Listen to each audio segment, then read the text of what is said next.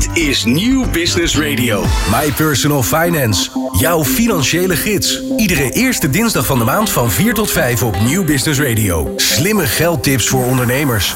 Grip op je geld, grip op je leven. Welkom bij My Personal Finance. Het thema vandaag is: een goede voorbereiding is het halve werk.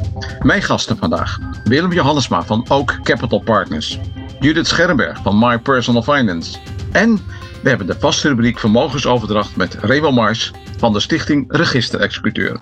Willem, goede voorbereiding is het halve werk. Wat wil je ons daarover meegeven vandaag? Ja, het is natuurlijk een, eh, een, een bijna een, uh, um, heel duidelijk een goede voorbereiding is altijd het halve werk. Maar dat geldt vooral voor iets saais als pensioen. En laat beginnen met pensioen. Uh, kost je een sabbatical of een flinke middenklasse. Daar wil ik het over hebben. Zo, oké, dat, dat is een mooie cliffhanger. Prima. Prima. Judith Scherrenberg, My Personal Finance. Een goede voorbereiding is het halve werk. Wat uh, kun jij daarover vertellen? Wat ga je daarover vertellen vandaag? Ja, je kan natuurlijk alle kanten op hè, met, met zo'n thema. Uh, maar waar het over gaat is van als je als, als financieel planner uh, je klant gaat helpen, dan uh, hoe richt je dan je werkzaamheden zo in dat je die ondernemer goed helpt, uh, zodat je met jouw eigen goede voorbereiding die ondernemer zo goed mogelijk kan helpen. En nou ja, als de ondernemer zich goed voorbereidt, dan krijg je ook het beste resultaat. Raymond Mars, vandaag de tweede aflevering over langslevende bescherming. Waar ga je het vandaag over hebben? Nou, we gaan het vandaag hebben over de wettelijke verdeling. My Personal Finance. Grip op je geld, grip op je leven. Met Roelof Meijer. Willem Johannesma. Um, goede voorbereiding is het halve werk. Laat pensioen opbouwen, zei je net, kost je een sabbatical of een flinke middenklasse. Dat vind ik nogal wat. Uh, ja. Willem Johannesma, ook Capital Partners. Um, nou ja, daar mag je wel eventjes iets over vertellen. Laat pensioen opbouwen, kost je een sabbatical of een flinke middenklasse. Hoe zit dat? Ja, ja, ik heb het, ik heb het ook uitgerekend en uh, het is niet zo heel moeilijk. Het, tien jaar later pensioen opbouwen, dat kost je al uh, 40.000 euro eigenlijk om hetzelfde bedrag uiteindelijk op je 67 te hebben. En dat, ja, dat is natuurlijk toch een heel bedrag, en maar tien jaar verschil in pensioenopbouw. Dus of je op je 25ste opbouwt of op je 35ste opbouwt, dat verschil dat lijkt niet zo groot, maar dat, om op hetzelfde eindbedrag uit te komen, scheelt je dat 40.000 euro. Zo, Zal ik je daar even meenemen in, dat, ja, in die berekening? Ja, ja graag. nou, ik heb het uitgerekend of je op je 25ste berekent, of op je 35ste, of op je 45ste. En dan oh. hebben we Max en Christian, die beginnen allebei op hun 25ste. En, en Christian, uh, Max begint op 25ste, sorry. En Christian begint op zijn 35ste. Hmm. Nou, dan kan ik ook nog uh, Jeroen uitrekenen op zijn 45ste. Maar het zijn drie personen. Je begint met uh, 1000 euro eerste inleg op je 25ste respectief 35ste of uh, eh, 45ste. Ja, en dan op een bedrag van ongeveer 3,5 ton uit te komen op je 67ste. Dat is een beetje, zeg maar, voor alle Nederlanders een gemiddelde pensioenpot uh, uh, over de tijd heen. Uh, ja, dan moet Max op zijn 25ste 150 euro inleggen. Maar Christian, die tien jaar later is begonnen, 300 euro. En Jeroen, die weer tien jaar later is begonnen, 600 euro per maand inleggen.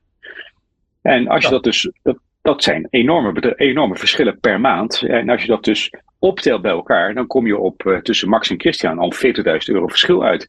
Wat Max minder hoeft in te leggen, omdat hij tien jaar eerder is begonnen met pensioenopbouw. Wauw, wat, um, wat, een verschil. Wat een verschil, hè? Ja, yeah. dat is echt. Dus de tijd, als je die in je voordeel laat werken, ja, dat scheelt enorm. En dat is natuurlijk toch Hè, wat ze het achtste wereldwonder uh, Einstein heeft genoemd, het rente-op-rente effect. Dat tikt zoveel aan uh, op zo'n lange periode. Uh, dat dat ja, leidt tot, wat ik het maar even heb vertaald, tot een bijvoorbeeld sabbatical. Want 40.000 euro kan iemand ook gebruiken om tussentijds een sabbatical op te nemen. Of ja, als je denkt in de ouders, een beetje in de middenklasse. In ieder ja. geval scheelt dat. En wanneer heb je dan de beschikking over dat geld voor die sabbatical? Want dat is natuurlijk niet aan het begin. Nee, kijk, dat is het moeilijke met pensioen. Pensioen is iets wat uh, volledig uh, fiscaal um, aantrekkelijk is, maar daar fiscaal afgezonderd is van je andere delen van het vermogen. Dus je kunt het opnemen tussentijds, maar dan betaal je heel veel um, belasting erover. Betaal je zowel de inkomstenbelasting als ook nog een keer een boete, boeterente van 20%. En dan kom je eigenlijk uit op een uh, belastingheffen tussentijds van, uh, nou wat is het, uh, 49 plus 20 procent, zeg maar. 69, bijna 70 procent. Dus dat moet je niet doen. Wat je wel kunt doen, is een deel um, van je pensioen opbouwen in box 3 vermogen. Dus in je vrij vermogen. Mm -hmm. En dan kun je dat gewoon tussentijds opnemen. Dat is geen probleem. Dat is jouw geld. En dat, dat blijft ook, zonder boete is dat gewoon opneembaar. Ja, want we hebben hier al over het woordje pensioen. Eh, je legt ook uit van, nou ja, dat, dat heeft een uh, fiscale klem over zich. Hè. Je bent uh, zeg maar ongeveer de helft kwijt, even gechargeerd over elke euro die je ontvangt. Maar dat ja. voorbeeld wat je hier nog geeft, hè, van Max, die op zijn 25ste dan die 1000 euro inlegt en dan 150 euro per maand. Dan komt hij uiteindelijk op 3,5 ton uit. Maar zou hij dat dan niet gewoon in box 3 moeten doen, gewoon als vrij vermogen? Ja, als je flexibel wil zijn, wel. Um, dan is dat uh, het beste in box 3. De voordelen van box 3 vermogen is dat je het inderdaad altijd kunt opnemen zonder dat je de belasting over hoeft te betalen. Maar tussentijds betaal je er wel vermogensrendementsheffing over.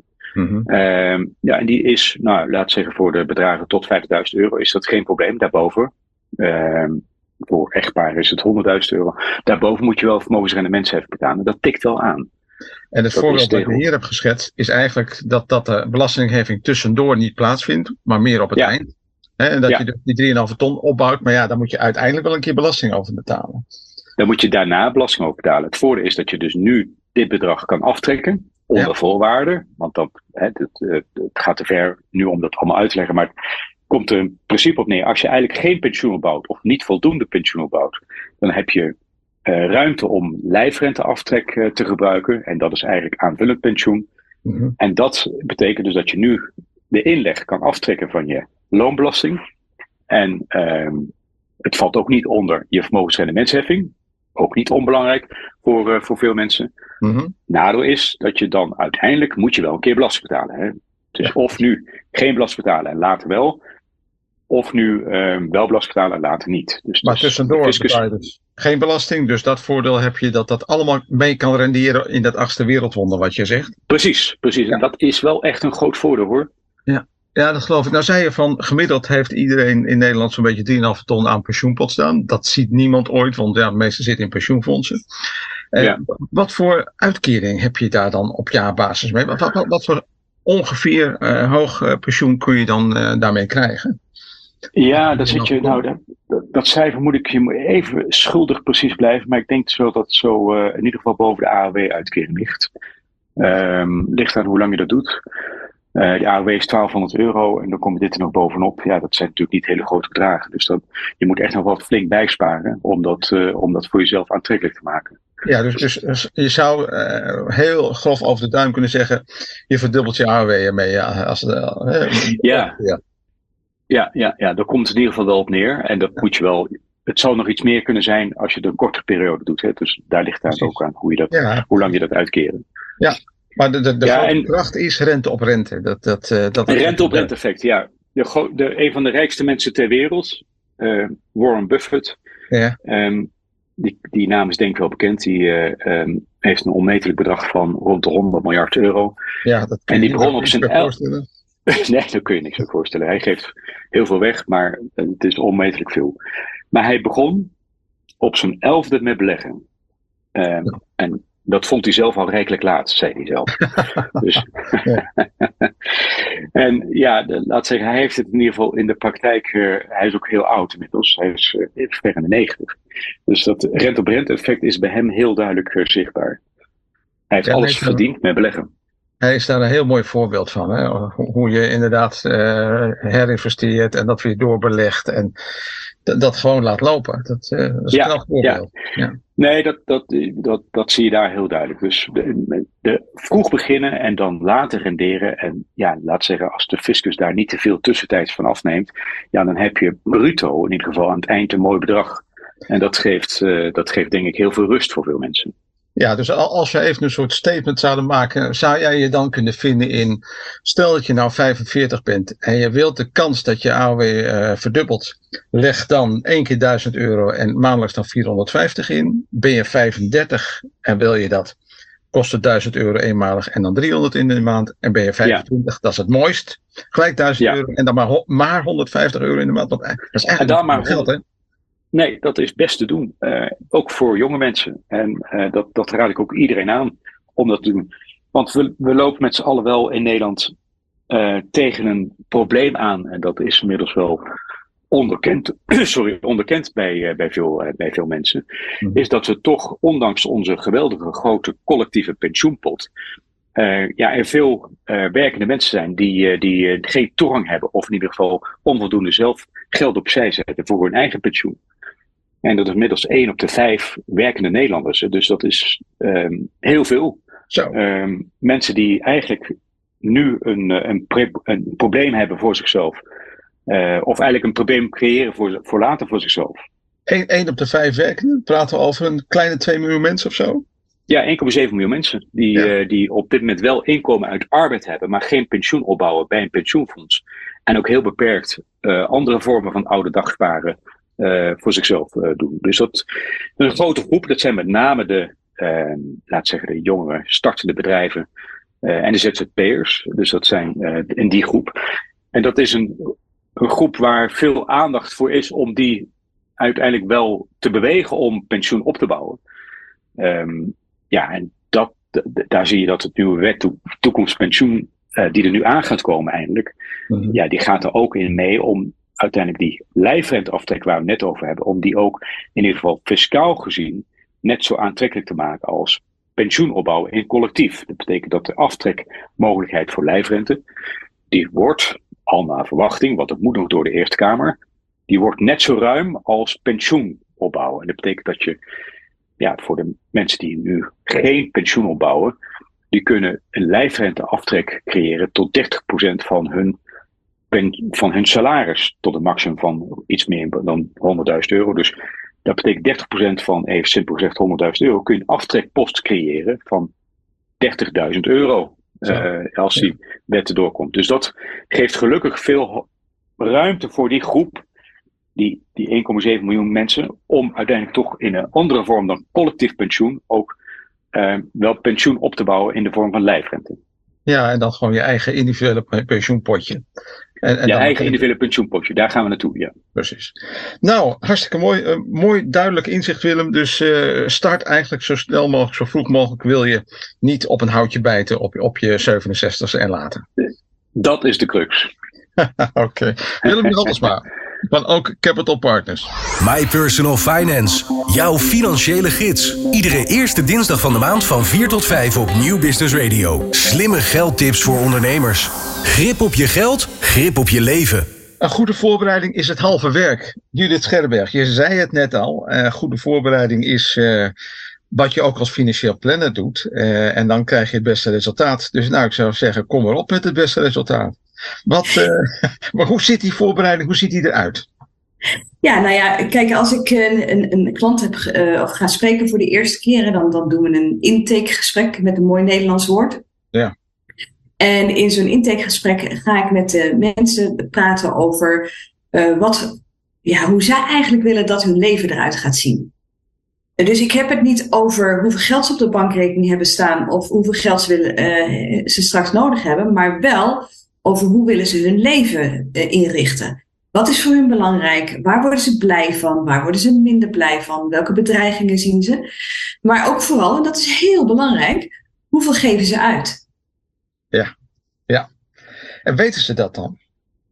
Nou, sommige mensen die komen onmiddellijk met een Excel-lijstje waarin ze het keurig bijhouden. En andere mensen kijken me slazig aan, zeggen van, uh, ja, het is gewoon op aan het eind van de maand. en alle varianten ertussenin.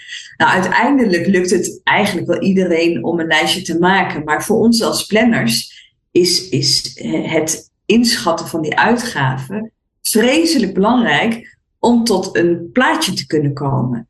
Nou, wat ook nog wel eens gebeurt, dat mensen denken van nou, we geven, ik noem maar wat, hè, 1500 euro per maand uit. En dan kijken wij de stukken na. En dan blijkt als je even doorrekent dat het misschien wel het dubbele is. Grappig dus, hè? Dat, dat, dat soort ja. verschillen. Dat, dat, dat, dat het inzicht daarin toch in heel veel gevallen toch anders is dan ze zelf denken. Ja, dat klopt. En, en dat is natuurlijk ook uh, voor de voorbereiding voor hun toekomst van wezenlijk belang. Want het feit dat je het daarover met die mensen over hebt, betekent al dat ze er zich bewuster van worden en dat ze dus ook hun gedrag kunnen veranderen. Ja, en, en wat je natuurlijk ziet, hè, wat je nu schetst, van nou ja, ze hebben dus nu eigenlijk vaak geen inzicht in wat ze nu uitgeven. Maar het wordt natuurlijk nog lastiger, want als financieel planner werk je naar de toekomst. En Ja. dat betekent ook dat ze ook nog een inschatting moeten maken in wat ze in de toekomst gaan uitgeven. Hè. Dus, dus als je dus straks niet meer Ja. werkt en je gaat een ander bestedingspatroon hebben, nou ja, en dat moeten we nog maar eens even zien te koppelen met het heden. Dat klopt, maar je hebt natuurlijk de toets vanuit bijvoorbeeld de Nibud, hè, waar, je wel eens, waar we wel eens mee, eh, mee toetsen. Ehm, je hebt eh, de uitgaven voor kinderen die op een gegeven moment ophouden omdat ze zelfstandig worden. Ehm, je hebt eh, bijzondere uitgaven. Veel mensen willen graag reizen. De een, voor de een is dat met een afstandswagentje door Europa met een tentje. en voor het andere is dat een, een dure cruise naar. nou ja, verzin het maar. Ja, precies. Dus, dus ja, die- dat, dat loopt dus erg uiteen. Hè. Ja, Ja, ja.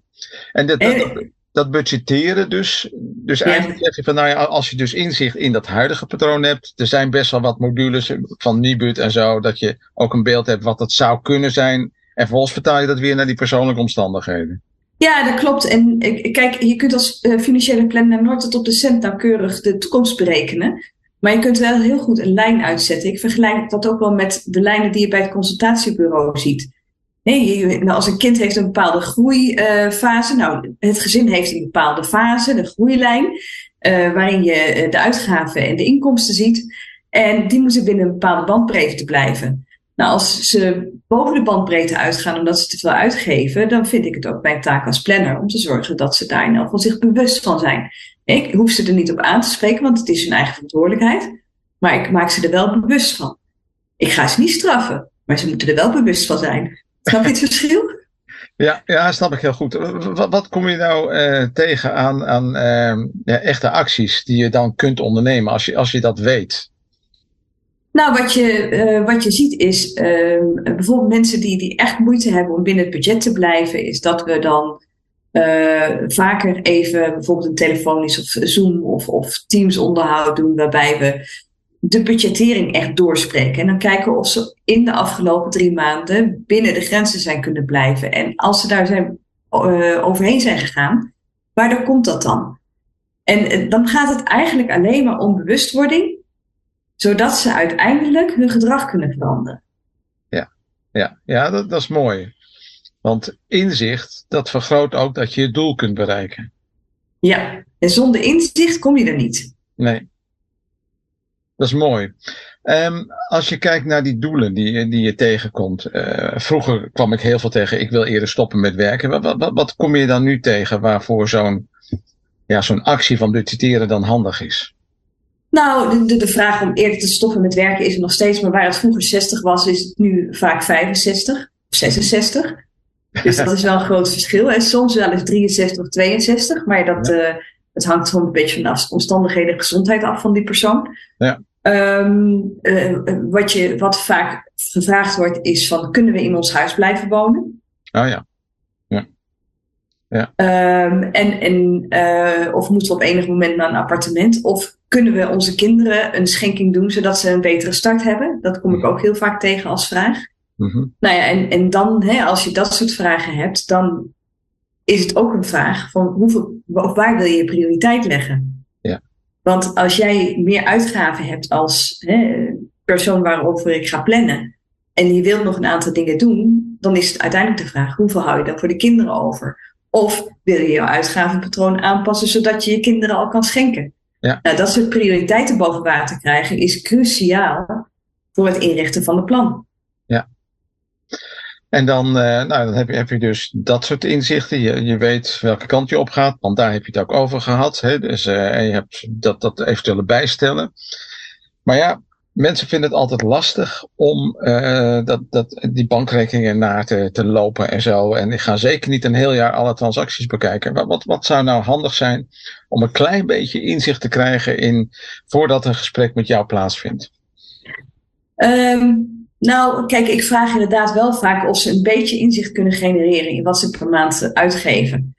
En ehm, als ze daar moeite mee hebben, wat ik ze dan wel als advies geef, is te zeggen van nou, maak dan een aparte bankrekening waar je geld op stort, waar je dan je maandelijkse uitgaven van doet. Dan weet je of je er binnen blijft of niet. En dan hoef je niet alle uitgaven per detail te gaan lopen invoeren, maar dan heb je het opgelost. En dat is een hele eenvoudige manier om uh, budgettering te structureren. Ja, en, en uh, ook, daar hoef je eigenlijk niks voor te doen. Hè? Even inrichten en klaar. Klopt, ja. klopt. En ja. inzicht helpt je dan wel verder. Um, als je nou kijkt naar dat budgetteren, want je praat over netto geld, hè? Dus, dus na belasting. Ja. wat, wat is dan eigenlijk het belangrijkste wat je als consument zou kunnen doen om, om uh, daarmee aan de slag te gaan? Nou, dat vind ik een lastige vraag. Um, ja, als consument het belangrijkste.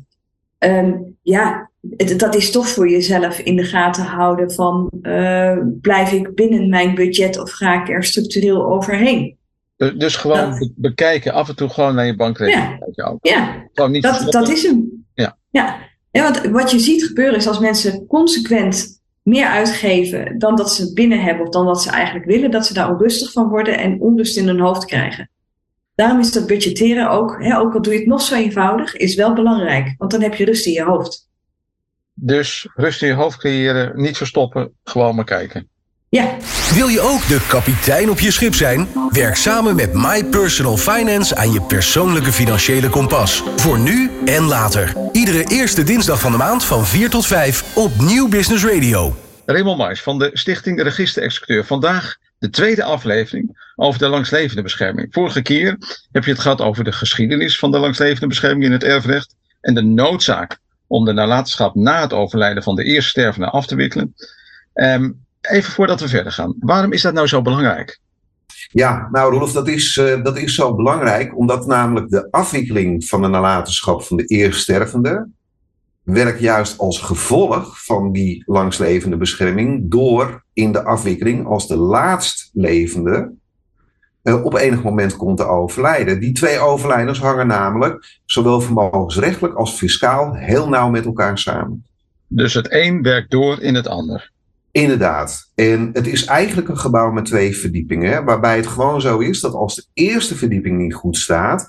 Eh, dan kan je die tweede verdieping er niet bovenop bouwen. Of, of die dondert in elkaar eh, op het moment dat je dat uh, probeert. Oké, dus, dus we gaan het langslevensbescherming even als een soort gebouw neerzetten. Waar ja. gaan we het dan vandaag precies over hebben? Nou, vandaag uh, leggen we het fundament. Ah, mooi. uh, vandaag ga ik het hebben over het fundament uh, in het wettelijk erfrecht, namelijk de wettelijke verdeling. Dus, als ik jou goed beluister, de wettelijke verdeling maakt onderdeel uit van het wettelijk erfrecht. Leg dat eens uit. Nou, klopt. Kijk, laten we bij het begin beginnen, of beter gezegd bij het eind. Zodra iemand overlijdt, overlijdt de persoon wel, maar de bezittingen en schulden niet. De wet voorziet in erfopvolging. Hè? Dus dat is wel heel belangrijk om dat altijd in gedachten te houden. Mm -hmm, ja kan je natuurlijk allerlei afwijkingen opmaken. Maar tot 2003 hield het eigenlijk wel een beetje op met de wettelijke regeling. En uh, uiteraard, heel veel mensen hebben, omdat die langslevende bescherming juist daarin ontbrak, uh, met testament een langslevende bescherming gecreëerd. En waar zat het dan in? Tot 2003 hadden kinderen namelijk een direct opeisbaar erfdeel. En dat kon je voor 2003 alleen maar met een testament voorkomen. Oké, okay. heb je daar een voorbeeld van? Ja, uiteraard. Ik heb het over uh, Teun en Marieke. En die hebben drie kinderen. Teun en Marieke zijn getrouwd. Ja, die zijn getrouwd en die kinderen zijn ook van Teun en Marieke. Ja, we houden het even simpel vandaag. Ja. ja, klopt. En Teun die laat een vermogen na van 400.000 euro. Hè. Dat is hetgene wat hij nalaten. Hè? Dus na de ontbinding eventueel van de gemeenschap. Nou, er zijn dan vier erfgenamen. Die elk voor een evenredig deel erven. Namelijk Marieke en de drie kinderen. Dus ieder erft een kwart, 100.000 euro, direct op eisbaar. Dat was de omstandigheid voor 2003. En dat zou dus inhouden dat als Marieke in een deel van dat vermogen woont, dat ze dat vermogen te gelden moet maken om dat uit te keren. En dus die kinderen hadden op dat moment direct op ijsbaar erfdeel van 100.000 euro. En dat zou kunnen betekenen dat Marieke dus moet gewoon verhuizen. Sinds 2003, dus al, al 20 jaar uh, zijn we onderweg, is, is dus de wettelijke verdeling er. Maar hoe is het dan dan? Nou, dat klopt. Nou, dan gaat het, uh, het hele vermogen naar Marieke. Onder de verplichting aan ieder kind 100.000 euro schuldig te erkennen. Dus die 4 ton gaat helemaal naar haar toe? Ja, die gaat helemaal naar haar toe, maar daar houdt het niet bij op, want er wordt ook even 3 ton schuldig erkend. Nou, en wanneer is die schuld opeisbaar? Ja, want het wordt schuldig erkend aan de kinderen. Dus de kinderen zijn daar in de vordering uh, gerechtigd op die vordering. Uh, die schuld die is opeisbaar na het overlijden van Marieke. En de wettelijke verdeling verdeelt dus door Marieke over te bedelen en dit recht te trekken met een schuld aan de andere erfgenamen als gevolg van die overbedeling. En Marieke hoeft dus niet meteen, uh, ja, hier staan eigenlijk te verdelen, maar niet meteen uit te delen. Ja. Maar die volstaat met het schuldig erkennen van die overbedeling. Maar moet ze daar dan iets voor doen? Nee, dat is het mooie. Het systeem werkt vanwege de wet. Hè? Dus ook mensen die geen testament hebben, um, uh, die hebben ook dus die, en dat was de grote revolutie in 2003, genieten dus die langslevende bescherming. En het is dus een verdeling uit hoofden van de wet. En juristen zijn simpele mensen, dus hoe noemen we dat ding? De wettelijke verdeling. Klinkt logisch, ja. ja als je het sommetje wel inderdaad maakt, hè, de, de, de, door die overbedeling te verminderen, hè, want Marieke die krijgt dan 400.000 euro, maar die moet wel drie ton schuldig erkennen. Als je dan het sommetje maakt, groeit haar, saldo, uh, haar vermogen per saldo met 100.000 euro. Maar het voordeel is wel dat stel dat het vermogen in die woning zit, ja, dan kan ze daar gewoon blijven wonen, omdat die schulden pas opeisbaar zijn na het overlijden van Marieke. Ja, je zei dit was de grote revolutie, dus de grote vernieuwing in, in 2003. En daarvoor bestond dat dan niet? Nee, nou, het bestond niet in de wettelijke variant, maar wel in testamentaire varianten. En dat heeft er natuurlijk ook toe geleid dat heel veel mensen uh, voor 2003 uh, wel de behoefte hadden om die langstlevende te beschermen tegen die directe opeisbaarheid. En dat betekent dat er natuurlijk heel veel uh, testamenten die kant op gingen. En hetgene wat het meeste lijkt op wat we nu als wettelijke verdeling zien, dat heet de ouderlijke boedelverdeling. Maar daar vertel ik een andere keer meer over. Overigens is die ouderlijke boedelverdeling niet meer als testament aan te bieden, maar de testamenten waarin die staat, ja, die blijven gewoon geldig. Hè. Het overgangsrecht voorziet daarin. Maar goed, de langslevende heeft dus nu een, een, eigen erfdeel en de rest van het vermogen. En daarnaast een niet opeisbare schuld aan de kinderen. Dat is die wettelijke uh, afrekening. En als, de langslevende, ja, ja. als de langslevende alles opmaakt, en dan hebben de kinderen natuurlijk het nakijken. En uh, ja, als de langslevende dan op enig moment overlijdt, is de pot leeg.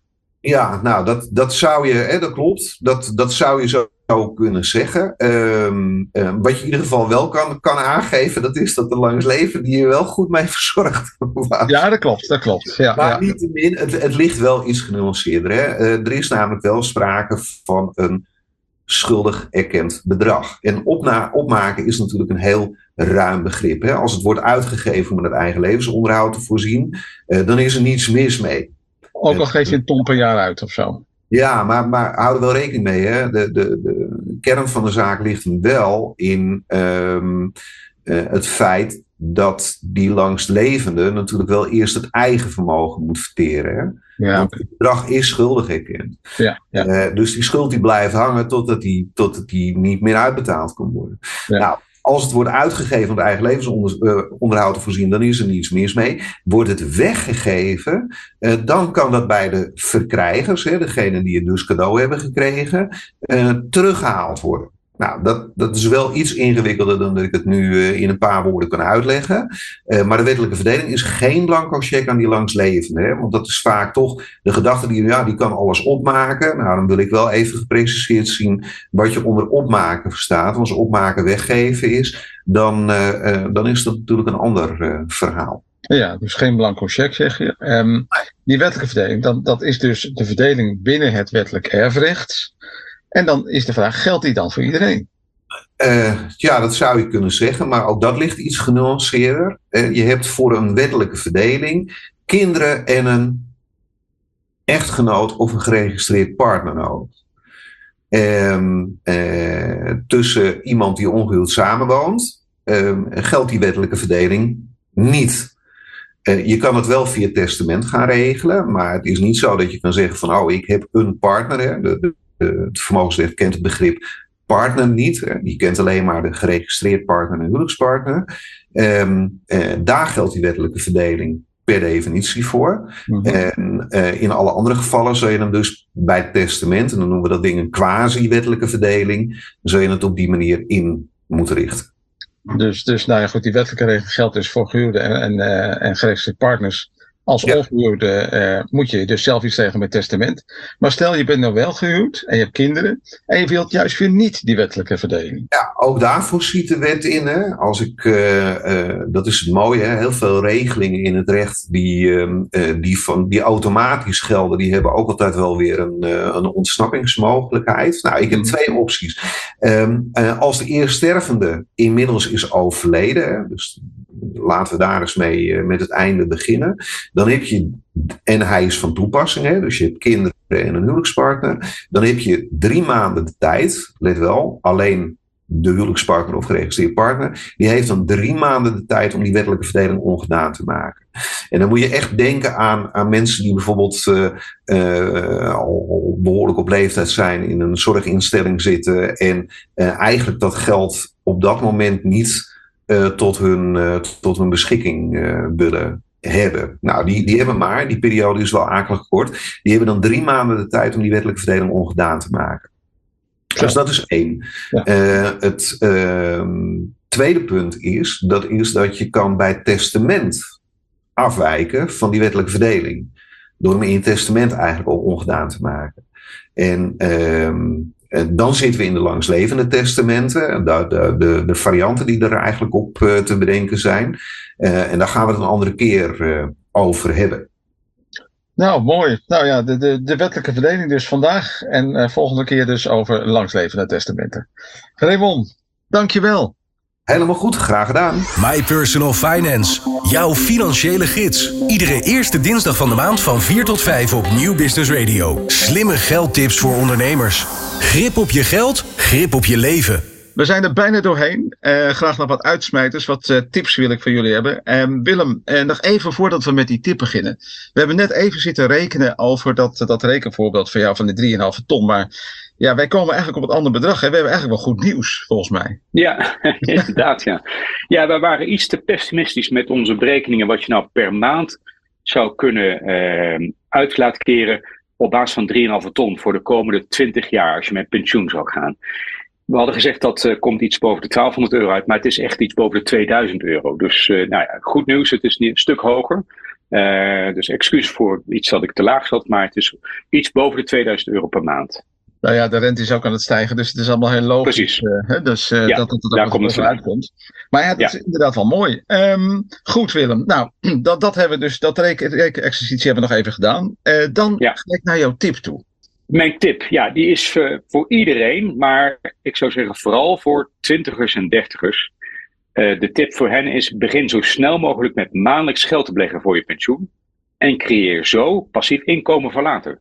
Dankjewel, Willem. Judith, graag van jou ook nog even een tip voor de luisteraar. Wat, wat wil je de luisteraar meegeven?